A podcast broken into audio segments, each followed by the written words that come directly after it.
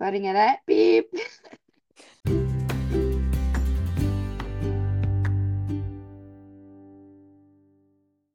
Hei, Hei, Camilla. Hallo!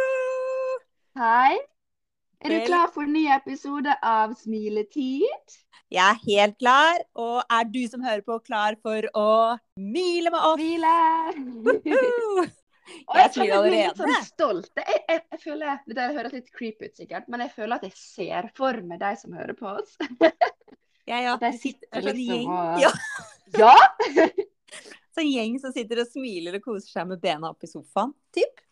Ja, eller ut, mens de er ute og går, er det jeg ser for meg. da. Eller ute sitter på toget. og liksom Alle de snapsa vi har fått av folk som hører på sånn Å, nå har ungene lagt seg, nå kan jeg rusle en tur og høre på Smiltid. Det er skikkelig koselig, og jeg blir så glad ja, når folk tagger oss. Og vi har fått skikkelig mange meldinger av folk som smiler og hører på oss. Mm. Det er liksom eh, Jeg skulle sagt mission completed, men det er jo ikke completed. Det har jo så vidt startet. Men vi er, på, started. Vi er på riktig vei. Det tror jeg ganske sikkert at vi er. Det skal vi få til i dag også.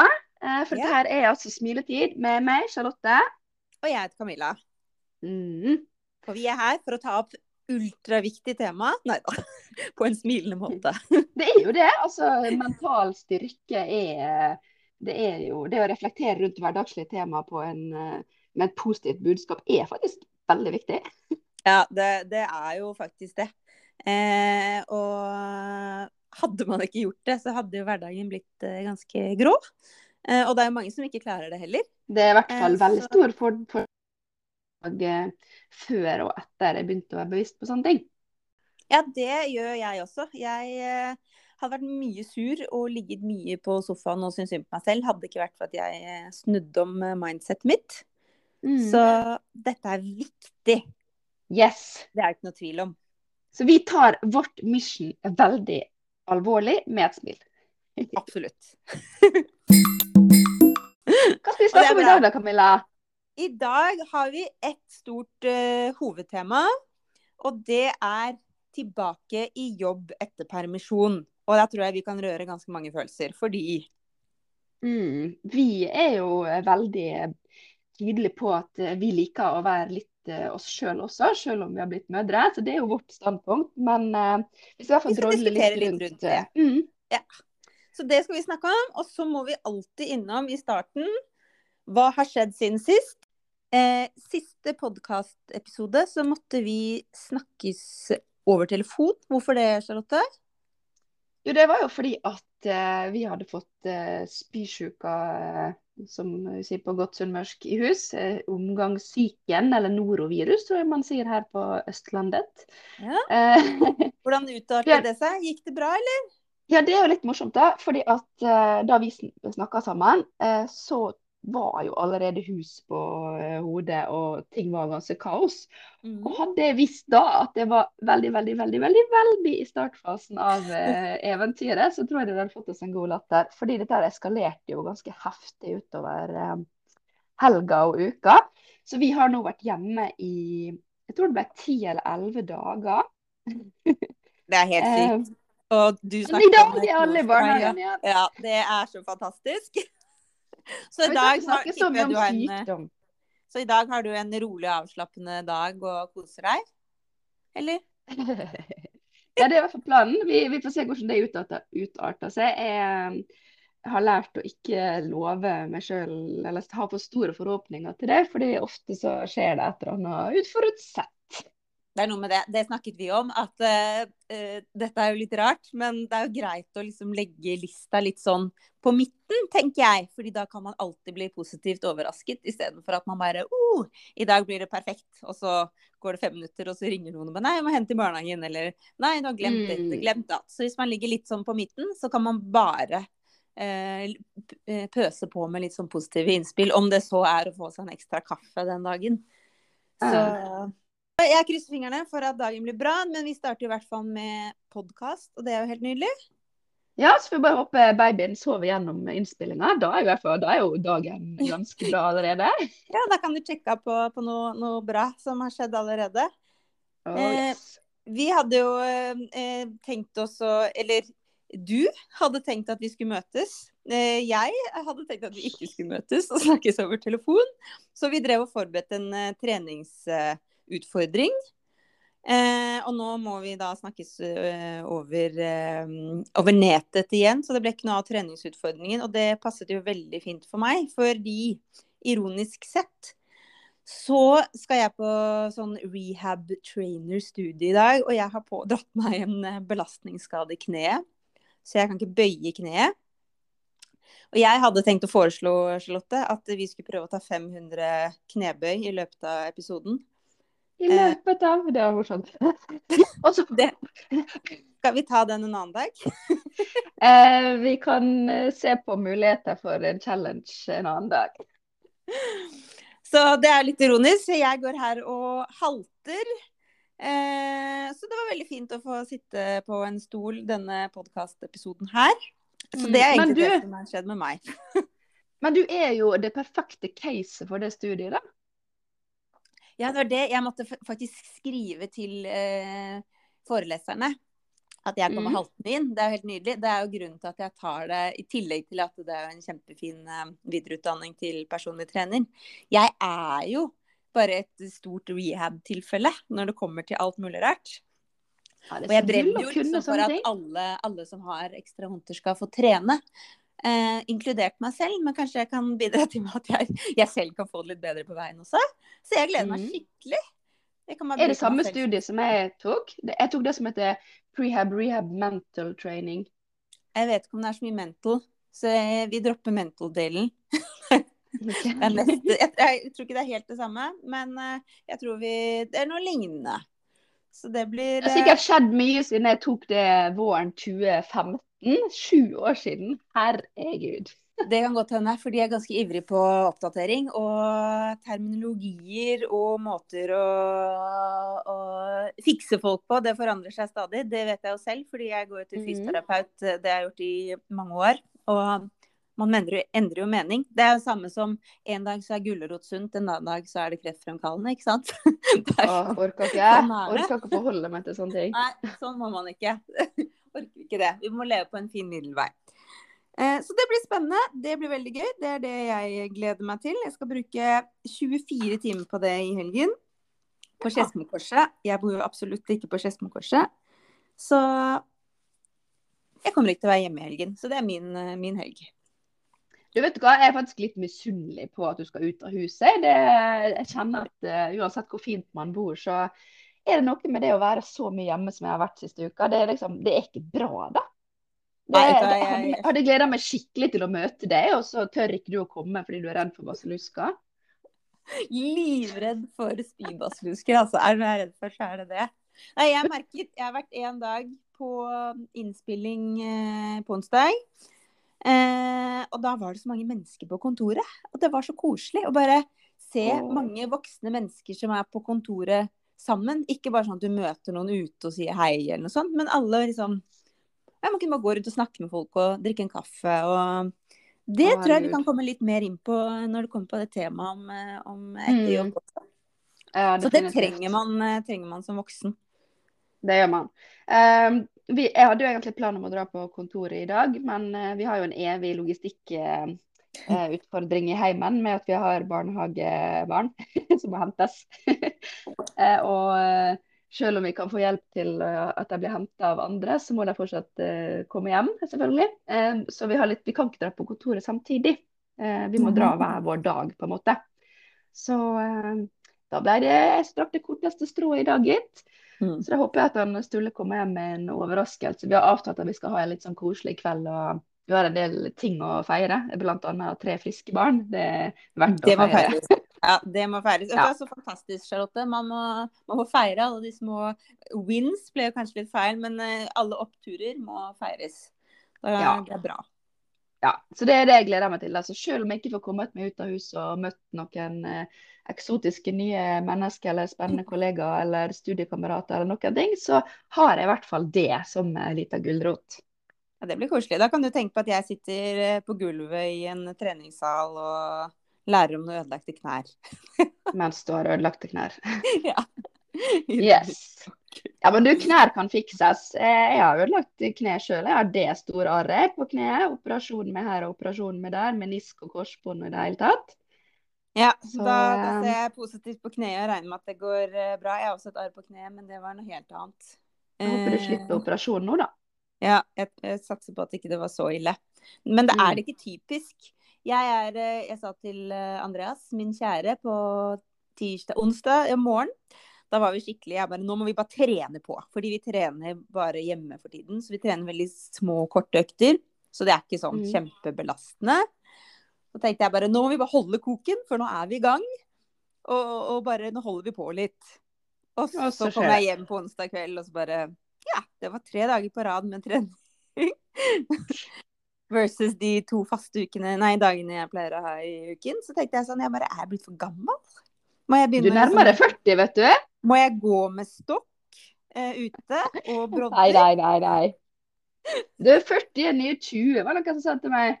Nei, la oss ikke si at jeg er 40 ennå. Ja, men det er jo det. Jo eldre man blir. Jeg bare venter til jeg blir 60, så skal jeg bare 60 er det nye 30. Men Mhm. eh, slippe å tenke på det enda. Men jeg tror det. Da har man store barn, og da skal man reise og slappe av. Mm. Men en da- annen ting, apropos å bli, være voksen eller stor. I går så sier han Jeg er veldig interessert i skisport, det har alltid vært. Og så sier Andreas at nå er det 10 km på TV. Må skru på. Og så gikk jeg for å finne kontrollen. Det er jo et evig eh, race, holdt jeg på å si. Eller det er nesten umulig å finne TV-kontroll, for hun Mini Med en ett og et åring i huset. Ja, så den må var vi alltid hjemme. Så fant jeg den. Og jeg fikk ikke på TV-en. Jeg vet ikke hvordan man skrur på TV-kanaler. For jeg, vi ser jo bare på type Netflix og sånn. Så jeg måtte Ja. liksom forstyrre Andreas i møte. For å spørre hvordan man så kunne skru på TV-en. Ja, Um, Ser kan du på identifisere med det. Nei, jeg ser aldri på TV. Og hvis jeg skal se på TV, så innser jeg at å ja, men der må man ha abonnement. Og det har ikke jeg. Så det ender alltid med at jeg sender sånn desperat melding til innen familiegruppa vår på Messenger om noen kan låne meg en innlogg til et eller annet. Og så ender det opp med at jeg ser det enten på eh, mobilen eller best case på dataen. Da, fordi jeg bare gir opp og prøver å koble på TV-en. Nei, ikke sant. Nei, da er det ikke bare meg. Nei, jeg, altså, jeg hadde skikkelig problemer. Jeg bare var Hvordan Jeg jeg fant Men det var jo appen. Så det var jo ikke, det var ikke hvordan man kom på lineær TV. Så Mm. jeg tror vi eh, Nå jobber Andreas i Alente, så det er jo muligens at vi har noen inkluderte TV-kanaler. Men utover det Ja, så er det kanskje ikke så mange som eh, ser på lineær TV lenger. Nei. Men vi faktisk, eh, eller jeg brukte faktisk den NRK-appen nå et par dager mens vi var eh, Um, for ikke snakke mye om uh, det, tre, det ordet på tre bokstaver som begynner på S. Og slutter på Mhm. YK. Som du er ferdig med. Uh, så, ja. Uh, og da så vi på 'Mesternes mester', som jeg elsker. Så jeg har jo ikke sett det, så jeg hadde jo masse episoder å ta hjem. Og det er så gøy. Det er Men- så gøy. Jeg Men jeg gjorde meg noen spennende refleksjoner egentlig mens jeg ja, var mye inne. Ja. Og det var at jeg kjente rett og slett at jeg mista litt sånn eh, lysten til å være på mobilen. Og lysten til å være i sosiale medier. Wow! Ja, og da ble jeg litt sånn Jeg måtte tenke meg om det. Jeg kjente at det kom snikende, at det var deilig å bare se på TV og ikke eh, scrolle og knotte Som sånn den og- dagen, eller bare åh, nå har jeg lyst til å bare ja. Ja, mens jeg, mens jeg var på en måte hjemme med ungene og formen var litt halvveis, og energinivået var sånn passe. Og, altså, jeg tror det henger veldig sammen med at eh, det viktigste jeg gjorde disse dagene der, var å vaske unna eh, nedspydd sengetøy og eh, klær og sørge for at folk fikk i seg mat og drikke. Og det var på en måte det alt handla om. Og da føltes alt annet så uviktig. Så jeg begynte å tenke litt på det, da.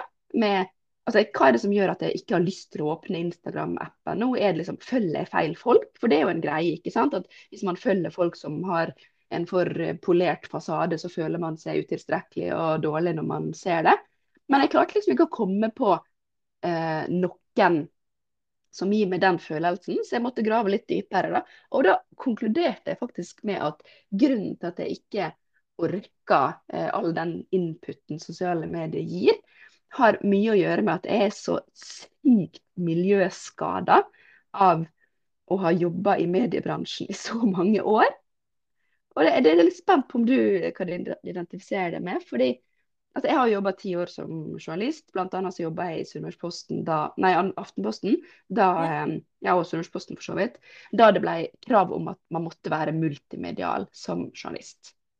Eh, som betyr at man må beherske flere medier. Man må kunne skrive, man må kunne gjerne filme, videoredigere, være utegående reporter, snakke i kamera. Eh, være både foran og bak kamera. Typ. Yeah. Eh, og det har gjort at jeg har blitt så skada at når jeg ser en film, så bare tenker jeg oi, dette er masse jobb å lage. og det gjelder for så vidt ah. TV-serier òg, da. Men også tekst. Hvis jeg leser tekst og der jeg skriver feil, så får jeg bare helt Jeg, jeg klarer ikke det. Jeg, jeg mister budskapet en gang. Ja, og det er så slitsomt. Ja, og det er så slitsomt. Så jeg, bare sånn, jeg orker ikke sosiale medier, jeg orker ikke, jeg orker ikke å lese nyheter engang. Fordi jeg bare Jeg klarer ikke å og det er, jo, det jo, jeg vet jo at det er en miljøskade, det er jo snakk om bagateller. Så nå skal jeg prøve å ta med meg det videre til å prøve å nesten skrive mer feil sjøl. Det er jo sånn at hvis jeg skriver feil på story, så må jeg slette storyen, for jeg klarer ikke å se på det. Men jeg skal, jeg skal skjerpe meg. Jeg skal tåle å ha litt skrivefeil og prøve å over. Det der med skrivefeil. Fordi jeg er helt lik. Eh, men det er bare Det er sånn jeg er oppdratt. Jeg har en mamma som eh, er eh, rå på det. Eh, ikke å skrive feil, men eh, nå husker jeg ikke hva ordet heter. Hva heter det? Rettskriving. Mm. Så jeg hadde liksom utrolig problemer når jeg begynte liksom å være mye på Instagram. Sånn, ja, typisk lese artikler på VG, for der er det ekstremt mye feil.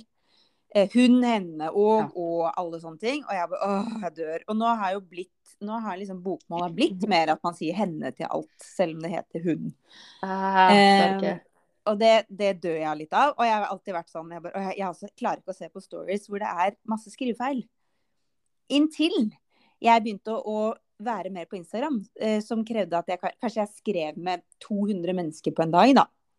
Mm. Da har ikke jeg tid til å liksom gå over og sjekke at jeg skrev riktig, eller at autokorrekten ikke slo ut, eller så har jeg gjort om til at det liksom, ok, da har det blitt morsomt. Mm. Og så mm. har jeg lagt ut, jeg lagt ut også flere stories, og jeg bare å herregud, jeg har skrevet å istedenfor åg. Mm. Og det, det, er krise. Da må jeg slette. Og så må jeg gjøre det på nytt. Ja. Og så har jeg liksom tenkt sånn Vet du hva. Må du egentlig det? og jeg bare Jeg er ikke noe polert, alt skal være så fantastisk og nydelig. Altså Skriver jeg feil, så er det feil. Er det autokorrekt, så er det autokorrekt. Noen ganger så blir det jo kjempemorsomt at det får en helt annen mening, så da kan du legge til en ny story og liksom tulle med det. Men ja. der har jeg altså prøvd å liksom senke lista. Det blir litt som liksom Du trenger ikke støvsuge hver dag. Det blir litt det samme, da, for du er litt miljøskada på det. Du trenger ikke liksom rettskrive. Det går an å ha en feil. Men jeg mm. skjønner det veldig godt, så der har jeg jobba mye. Og nå ler jeg av det. Så det er noe sånn når noen skriver noe feil til meg, bare 'Å, unnskyld, jeg mente det og det', så er det sånn Vet du hva, jeg så ikke at det var feil engang, jeg, fordi jeg skriver så mye feil selv. Sånn skjer.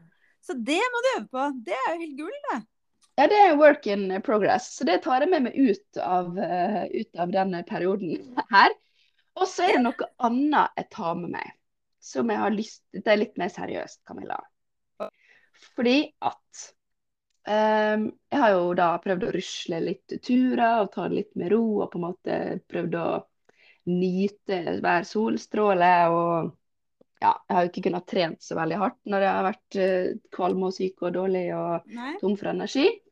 Så da har jeg liksom prøvd å kose meg med disse lange turene og hente litt energi fra sola og sånn. Uh, og da tenker man mye når man går sånne turer. Ja. Og har, da har jeg liksom prøvd å ta et lite oppgjør med den oppgittheten som jeg føler når jeg føler meg fanga inn i mitt eget hus. Mm. Eh, og det henger Når jeg føler at energien er lav, eller at jeg har vondt en plass, eh, som begrenser hva jeg kan gjøre, eller at jeg ikke får gjort det jeg helst vil, da.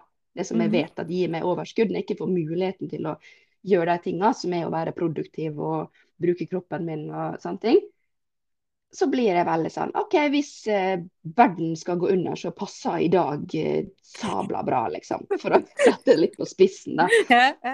Og det er, jo, det er jo sikkert sunt å hente fram de følelsene en gang iblant. Men jeg klarer jo å skjønne hvordan folk som f.eks. har kronisk, kroniske smerter Mm. eh, At det blir hardt, eh, tøft å deale med den type følelser over lengre tid. Mm. Så jeg lurer veldig på hvordan, hvordan kommer du det opp? Altså For min del så er det sånn, jeg bare forteller meg sjøl at dette her er, dette er en følelse, dette her er ikke realitet. Dette er, ikke, dette er en følelse som jeg vet at kommer til å gå over. Jeg kommer til å få tilbake energien min, jeg kommer til å kunne trene igjen, kommer å, det kommer til å skje ganske snart. Det kommer til å være absolutt maks ei uke til. Så kan jeg være meg sjøl igjen og føle at jeg eier min egen kropp igjen og alt dette der. Men når man ikke vet, når du ikke vet om du skal ha migrene 24 timer i døgnet i fire uker, eller om det går over i morgen, hvordan motiverer du deg sjøl da? Åh, dette har jeg jobbet så lenge med. Det her burde jo vært en egen podkast, fordi dette brenner jeg jo sånn veldig for. Ja, det skal være en egen podkast, men, men hvis du Kjapt, tenker sånn så kjapt som mulig. Mm. Det, sant, sånn som du gjør nå, det er naturlig at det skjer. Eh, sånn som eh, kronisk syke og migrenepasienter. Det er jo, eh, jeg husker ikke hvor mange prosent, men det er en veldig høy prosent større sjanse for å eh, utvikle depresjon. Eh, fordi det, det, det er så mye fysisk, nei, psykiske følelser eh, i spill. Eh, og sånn som det var for meg når jeg innså at jeg kommer antageligvis aldri til å bli frisk, Mm. så ble jeg deprimert en lang periode. Det er eh, ti år siden, ni år siden sånn cirka. Og der sleit jeg skikkelig. Da gjorde jeg ingenting. Jeg satt og så på Gode dager og Glamour i mørket. eh, Med litt sånn mørk TV, for det var det jeg orka. Selv om liksom, jeg skulle ikke se på TV, fordi jeg hadde jo migrene og sleit, og det trigga. Så Mm. gikk jeg til butikken noen ganger hvis jeg ville, eh, og kjøpte bamsemums. Og så gikk jeg hjem igjen. Og så gjorde jeg ingenting. Og så etter hvert så hadde jeg ikke lyst til å gå til butikken.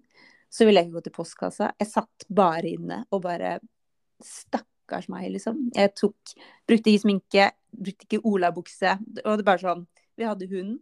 Og jeg gikk ikke til postkassa med hunden engang. Det var Andreas som måtte lufte hunden når han kom hjem. For jeg syntes så synd på meg selv. Til liksom en dag bare tok meg sammen og bare tenkte liksom For jeg hadde hest, så jeg dro i stallen, og så dro jeg hjem. Så gjorde jeg ikke noe annet. Og når jeg var i stallen, så fikk jeg en sånn lykkefølelse. Jeg bare jeg glemte hvor dårlig jeg var, og liksom jeg måtte jo ta vare på den hesten. Mm. Og så begynte jeg å tenke liksom, jeg bare, hva gjør det nå? Hva er det som skjer når jeg er her? Og når jeg liksom koser meg ute i skogen, sitter på hesten, det er bare meg og hesten. Og liksom, hesten er alltid, den den er jo ikke sinna på deg. Det er ingen Mm. sånn som, ja. Så begynte jeg liksom å fokusere veldig mye på det. Og så er jeg liksom, jeg har alltid vært en sånn blidfis.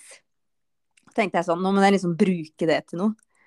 Og så har jeg liksom fortsatt, og jeg er jo irriterende positiv. Det er jo veldig mange som bare du kan umulig ha så vondt, for du er jo så blid, du er så positiv. Så jeg bare, jeg har vondt hele tiden. Jeg har hatt vondt i hodet, da, enten det er migrene eller spenningshodepine, hver eneste dag siden jeg har vært 16 år. Jeg har ikke liksom en smertefri dag i det hele tatt. Å, jeg får Men gåsehud. Noen ganger så glemmer jeg det, fordi eh, rundt når jeg var 30 år, det var når jeg begynte med crossfit, da begynte jeg å teste veldig mye hva som fungerte for meg, da.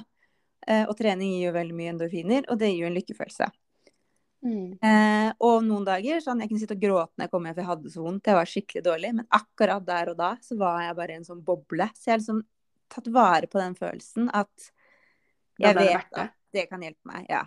Eh, og så har jeg liksom hver dag Jeg står jo opp, og sånn, hver gang jeg våkner, så tenker jeg sånn jeg bare, Fy faen, så vondt jeg har. Fy faen, så jævlig jeg har det. Men jeg, sånn, jeg kan stå opp av senga. Jeg kan komme meg på badet. Jeg kan gå ned og glede meg til å, å drikke kaffe. Jeg har to små barn. Så man må liksom tenke litt sånn, bare hva er det jeg har? Hva er det jeg kan? Jeg kan faktisk gå på to ben. Jeg er ikke lam. Mm. Mm. Og når jeg liksom innså at jeg bare OK, greit. Dette her er livet mitt resten av livet. Eller sånn, sånn kommer jeg til å være. Jeg kommer til å ha vondt. Jeg har fått så mange beskjeder, så mange slag i trynet hvor noen har fortalt meg Jeg har stått foran seks ortopeder som bare Vet du hva, Camilla? Noen mennesker de er bare skapt for å ha vondt. Du er en av de. Du kommer til å ha vondt resten av livet. Nei, At liksom det noen greit. sier sånn til deg. Da var sånn, jeg visste om jeg skulle le eller gråte, eller, og jeg bare herregud. Og jeg fortsatt, jeg har gått til fysioterapeut, naprapat, kirurg Det er ingen som klarer å hjelpe meg. Og da er det liksom sånn OK, i dag er det kanskje litt bedre enn det var i går. Woohoo! Da er jeg glad for det. Mm. Ja. du må jo være glad for så mye sånne dumme ting. Og så er det veldig mange som er Nei, jeg klarer ikke, og nei, jeg må bare ligge på et mørkt rom. Så vær glad for at du lever, da. Det høres jo helt sånn sykt ut, men man må, jeg tror man må sånn erkjenne situasjonen man er i, og så må man gjøre det beste ut av den man er. Fordi man kan ikke være noe andre, eller ok, kanskje du ikke fikk det livet du hadde tenkt til, men det gjelder jo for så mange andre ting enn smerter. Mm. Man må bare prøve å være sånn irriterende positiv. Liksom si at du åh, se så vakker du er i speilet. Selv om du syns du er drittstygg dritstygg kanskje den dagen, men hvis du sier det hver dag, så syns du jo det. Eller sånn som jeg har sagt til meg nå som jeg har vært inne i den gode treningsperioden. Jeg trener 30 minutter. Jeg har trent fire dager på rad 30 minutter. Det er jo egentlig ikke kjempemye eh, for en som trener mye, men eh, for meg som trener da 30 minutter to ganger i uka, så har jeg tenkt herregud, så flink jeg er å være godt til Andreas. Andreas, har du, så flink jeg er! Og så har jeg blitt liksom ekstra glad av det. Mm. Så det er det. Altså du har rett og slett identifisert, Ja. identifisert noen av de triggerne som, som gjør at du ikke har det bra, da, og så styrer du unna dem.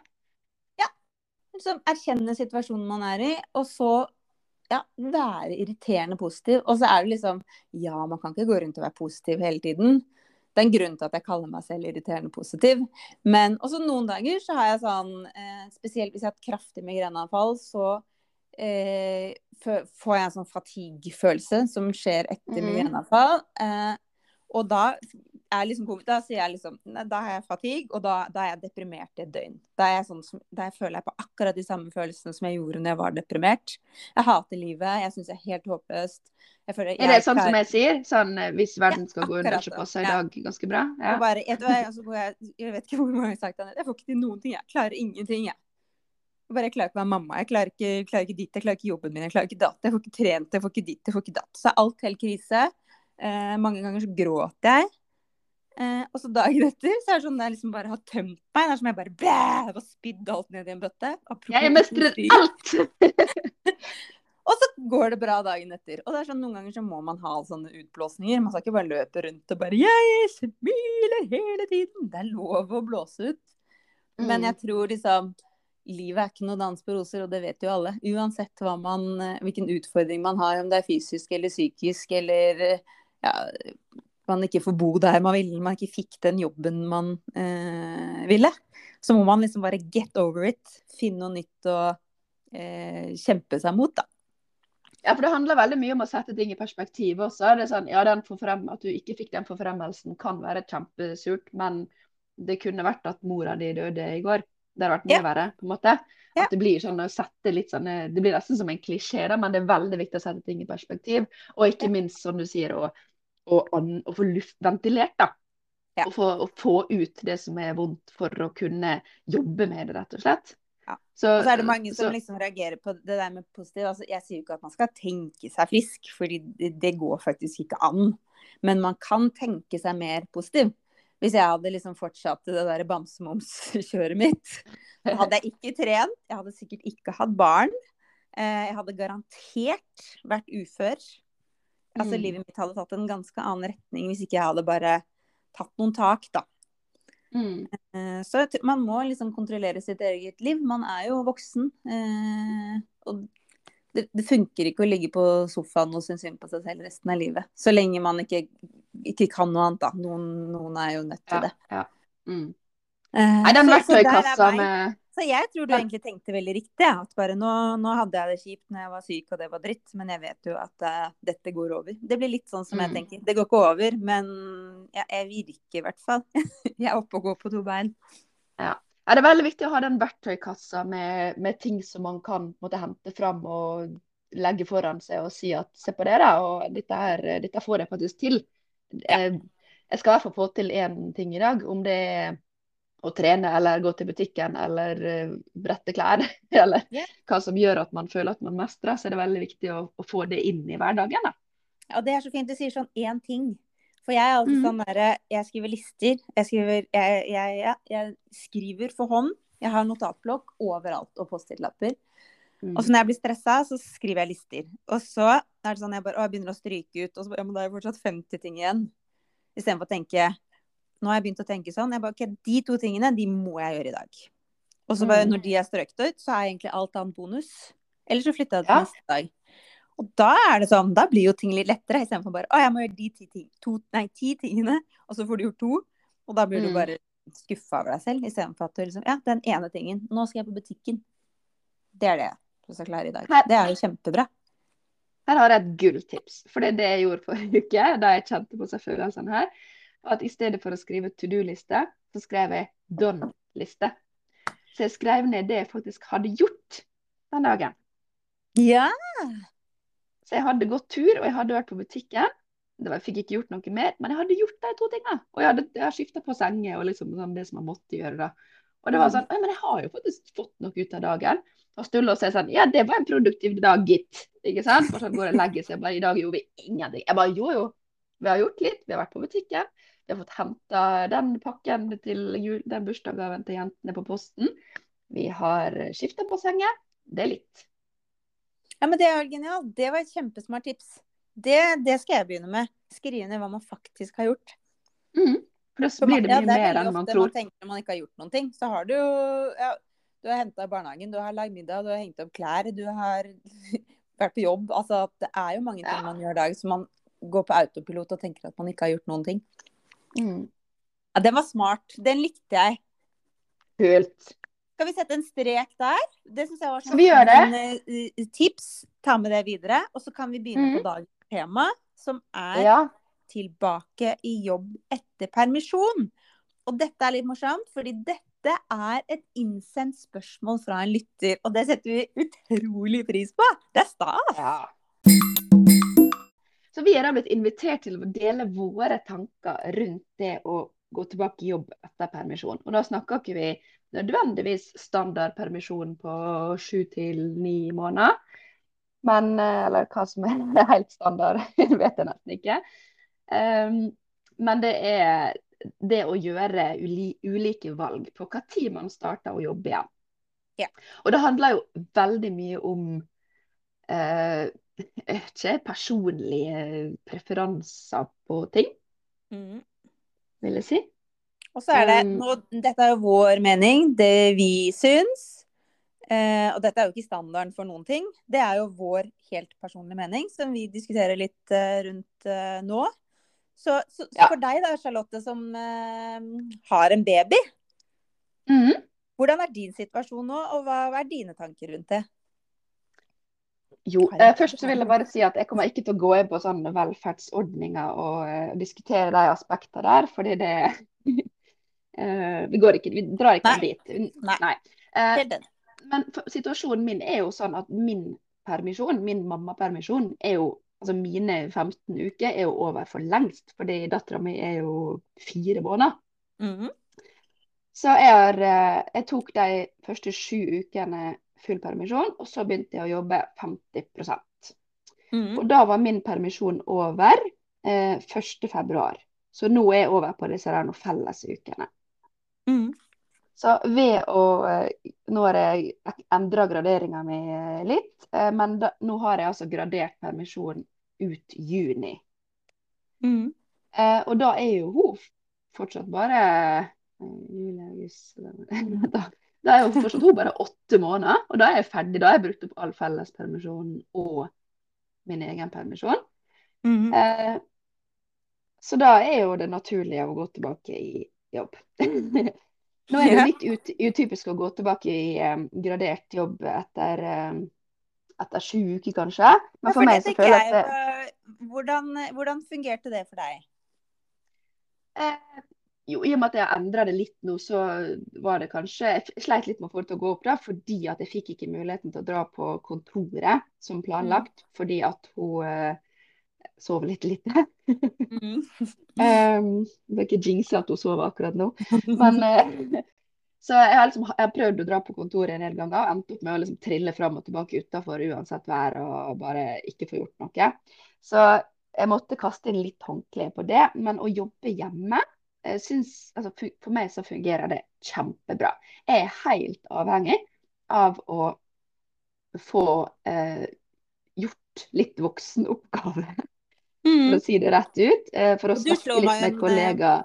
Ja, en person som liker å liksom ha mange ting å drive med på en gang.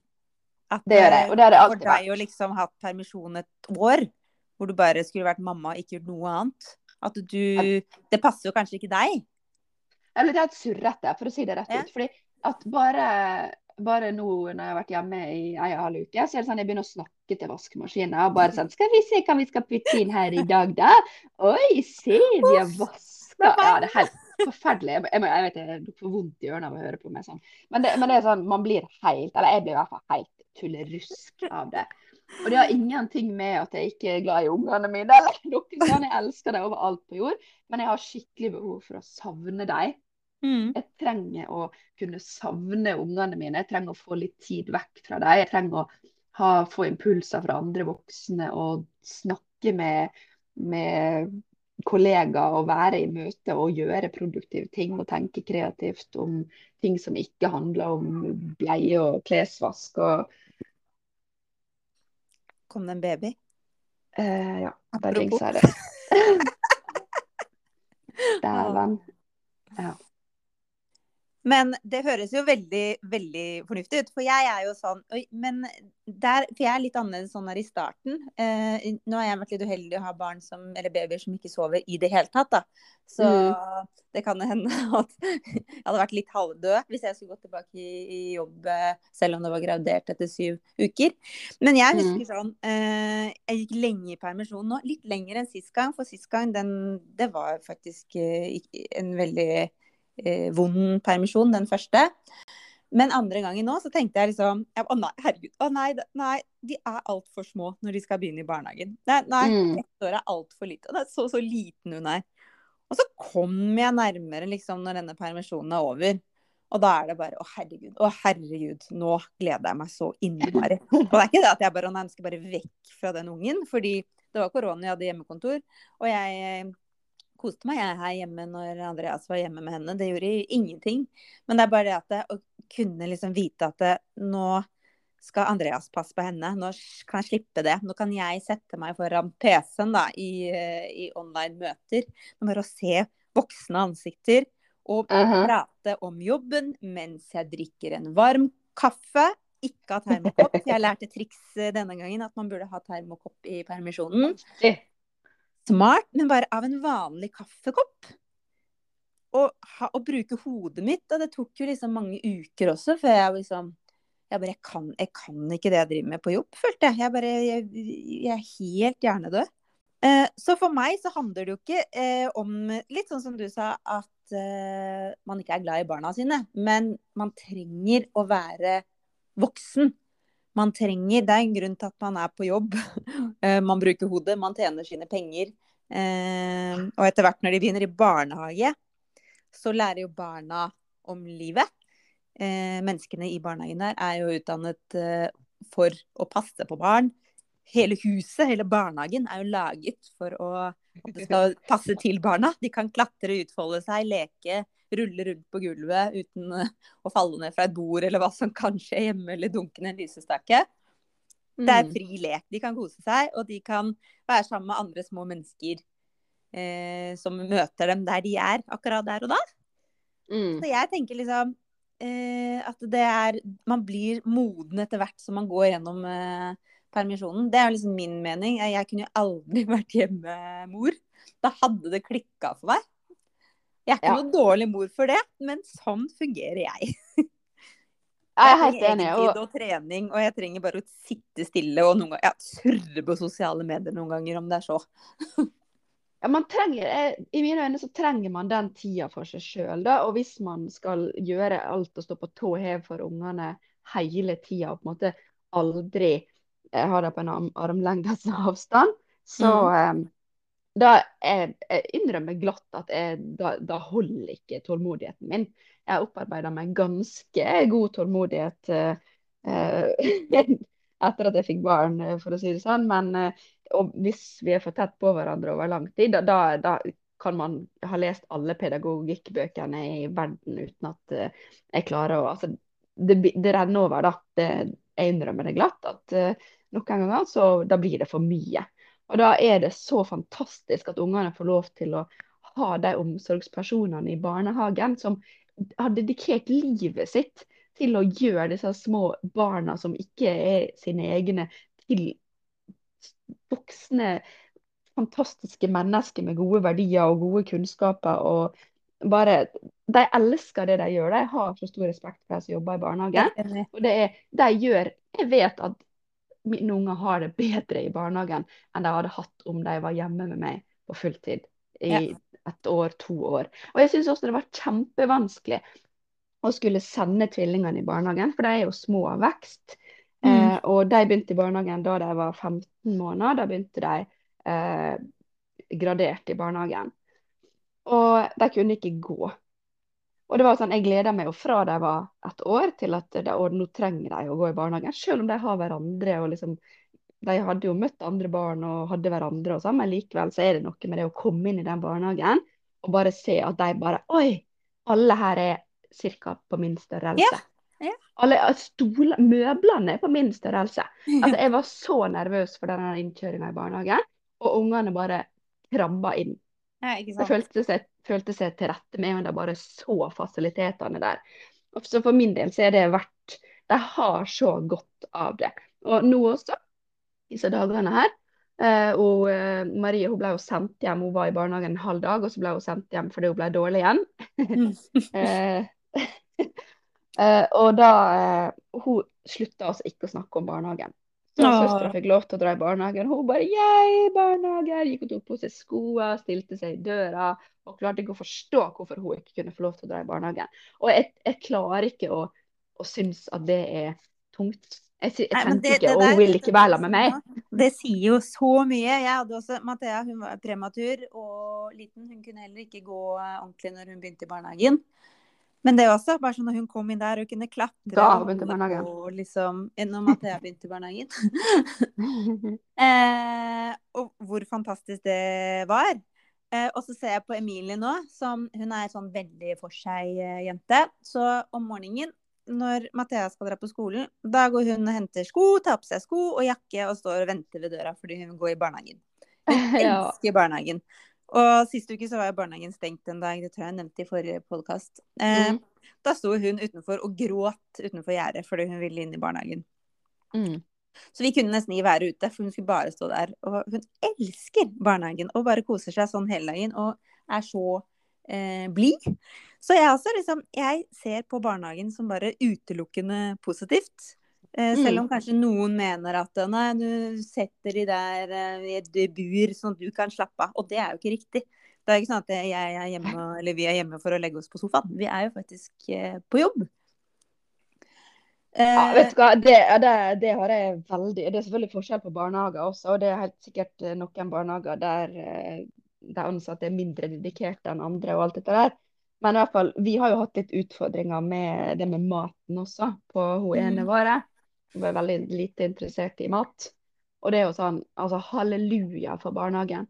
Eh, hadde ikke barnehagen fantes, så tror jeg seriøst at uh, hun måtte fått uh, medisinsk hjelp for å få i seg nok næring.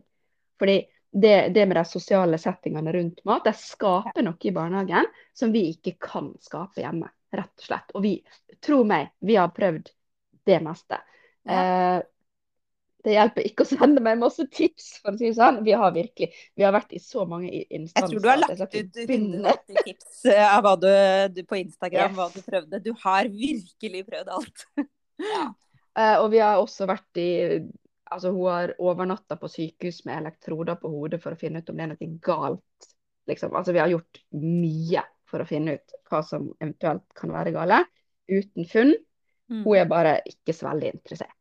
Men i barnehagen så spiser hun mat. Ja, ikke sant? Da ser man hvor mye, mye, bra det bringer ved. Altså, vi har Det er jo veldig morsomt. Altså, vi har ikke slitt med mat med Emilie. Men vet du hvor mange brødskiver hun har spist før hun skal spise middag? Åtte! Åtte brødskiver. Ja. Og så får vi beskjed fra barna vi må ha mer brødskiver. Så hun nei. spiser, hun koser seg så mye i barnehagen. Og så har jeg sagt sånn Ja, nei, hun er ikke noe glad i middag. Hun spiser ikke middag. Å jo da, i dag lagde vi tacograteng, og hun spiser med begge Og jeg bare hva? Så, Mm. så for oss er det nesten blitt litt sånn greit, du spiser det du spiser hjemme. Og så vet vi at hun får i seg den næringen hun trenger i barnehagen, for hun spiser så mye.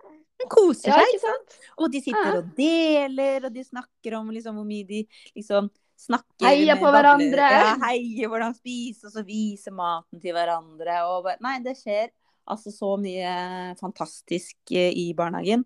Og så har jeg forståelse for Det er jo noen som velger å være hjemme. Man skal jo ikke ha dårlig samvittighet eh, for det heller. Eh, Nei, Nå sitter vi og liksom heier på at man skal være i barnehagen. Det er jo fantastisk hvis man har lyst til å, å være hjemme og elsker å være hjemme med barna sine og syns at det er bra, og man har mulighet, mulighet økonomisk sett og alt dette her. Eh, Så for all del, man må jo få lov til det også. Men jeg tror man skal se, huske på begge deler, så lenge man er komfortabel. Å, der er det en liten baby!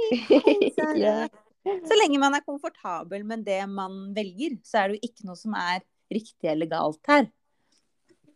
Nei, det er akkurat det. Og, og, og jeg beundrer også de som, som vil være hjemme med ungene sine i, i to år, eller hvor lenge det måtte være. Og Ja. Som, er trygg på at det, er det beste for mine unger. og det beste for mine unger er å være med meg, og jeg lærer dem alt de skal av sosiale skills og alt mulig. Det er, det er veldig imponerende, syns jeg. Er utrolig Eh. imponerende.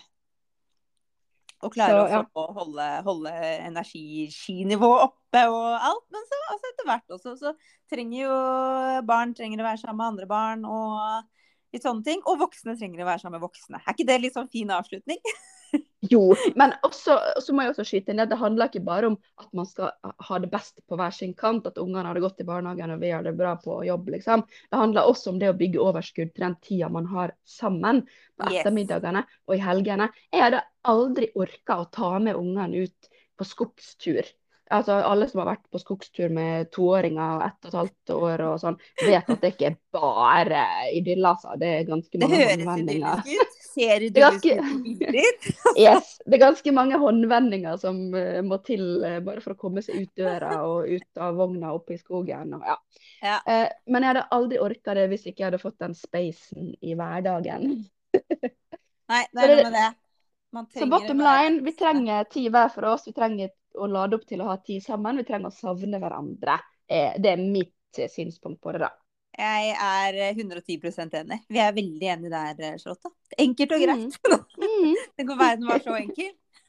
Ja, det var Har du, du som hører på, noen helt andre meninger, så tar vi jo gjerne med oss eh, de også. Så det er jo alltid bare å sende inn meninger og eh, tips. Eh, hva dere synes, så kan vi diskutere det på en annen måte også.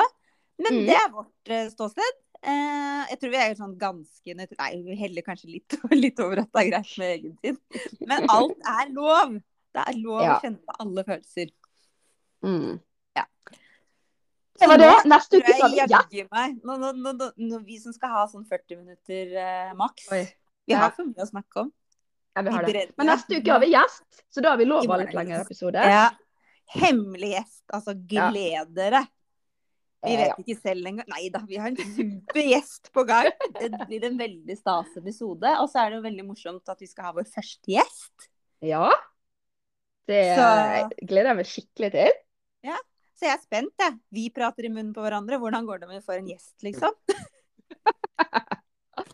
La oss finne ut det neste uke, Camilla. Ja, så jeg håper, kjære lytter, at du følger med oss neste gang og lurer eh, fælt på hvem denne gjesten er. Kanskje det kommer noen sånne hint etter hvert på Instagram òg. Veldig mulig. Ja, så det er bare å følge med, med der. Og der er Sara med, så fikk vi en liten Ja. gjest. Sara er helt eh, som gjest her. Ja, Samtidig ugle. Mm. hun Vil du si ha det? Ja, det Da gjør hun. takker vi for i dag, og håper du syns at uh, vi har berørt et viktig tema, at uh, vi har greie meninger. og så får vi se Nei, det får jeg bare synes dere er ville om. Vi er for ærlige. Ja. Vi eh, så satser på at vi holder oss friske, at jeg har to knær neste uke. Ja, takk. Please. Og ja, hell og lykke og sol være med dere. OK. Takk for i dag! Smil! Og ha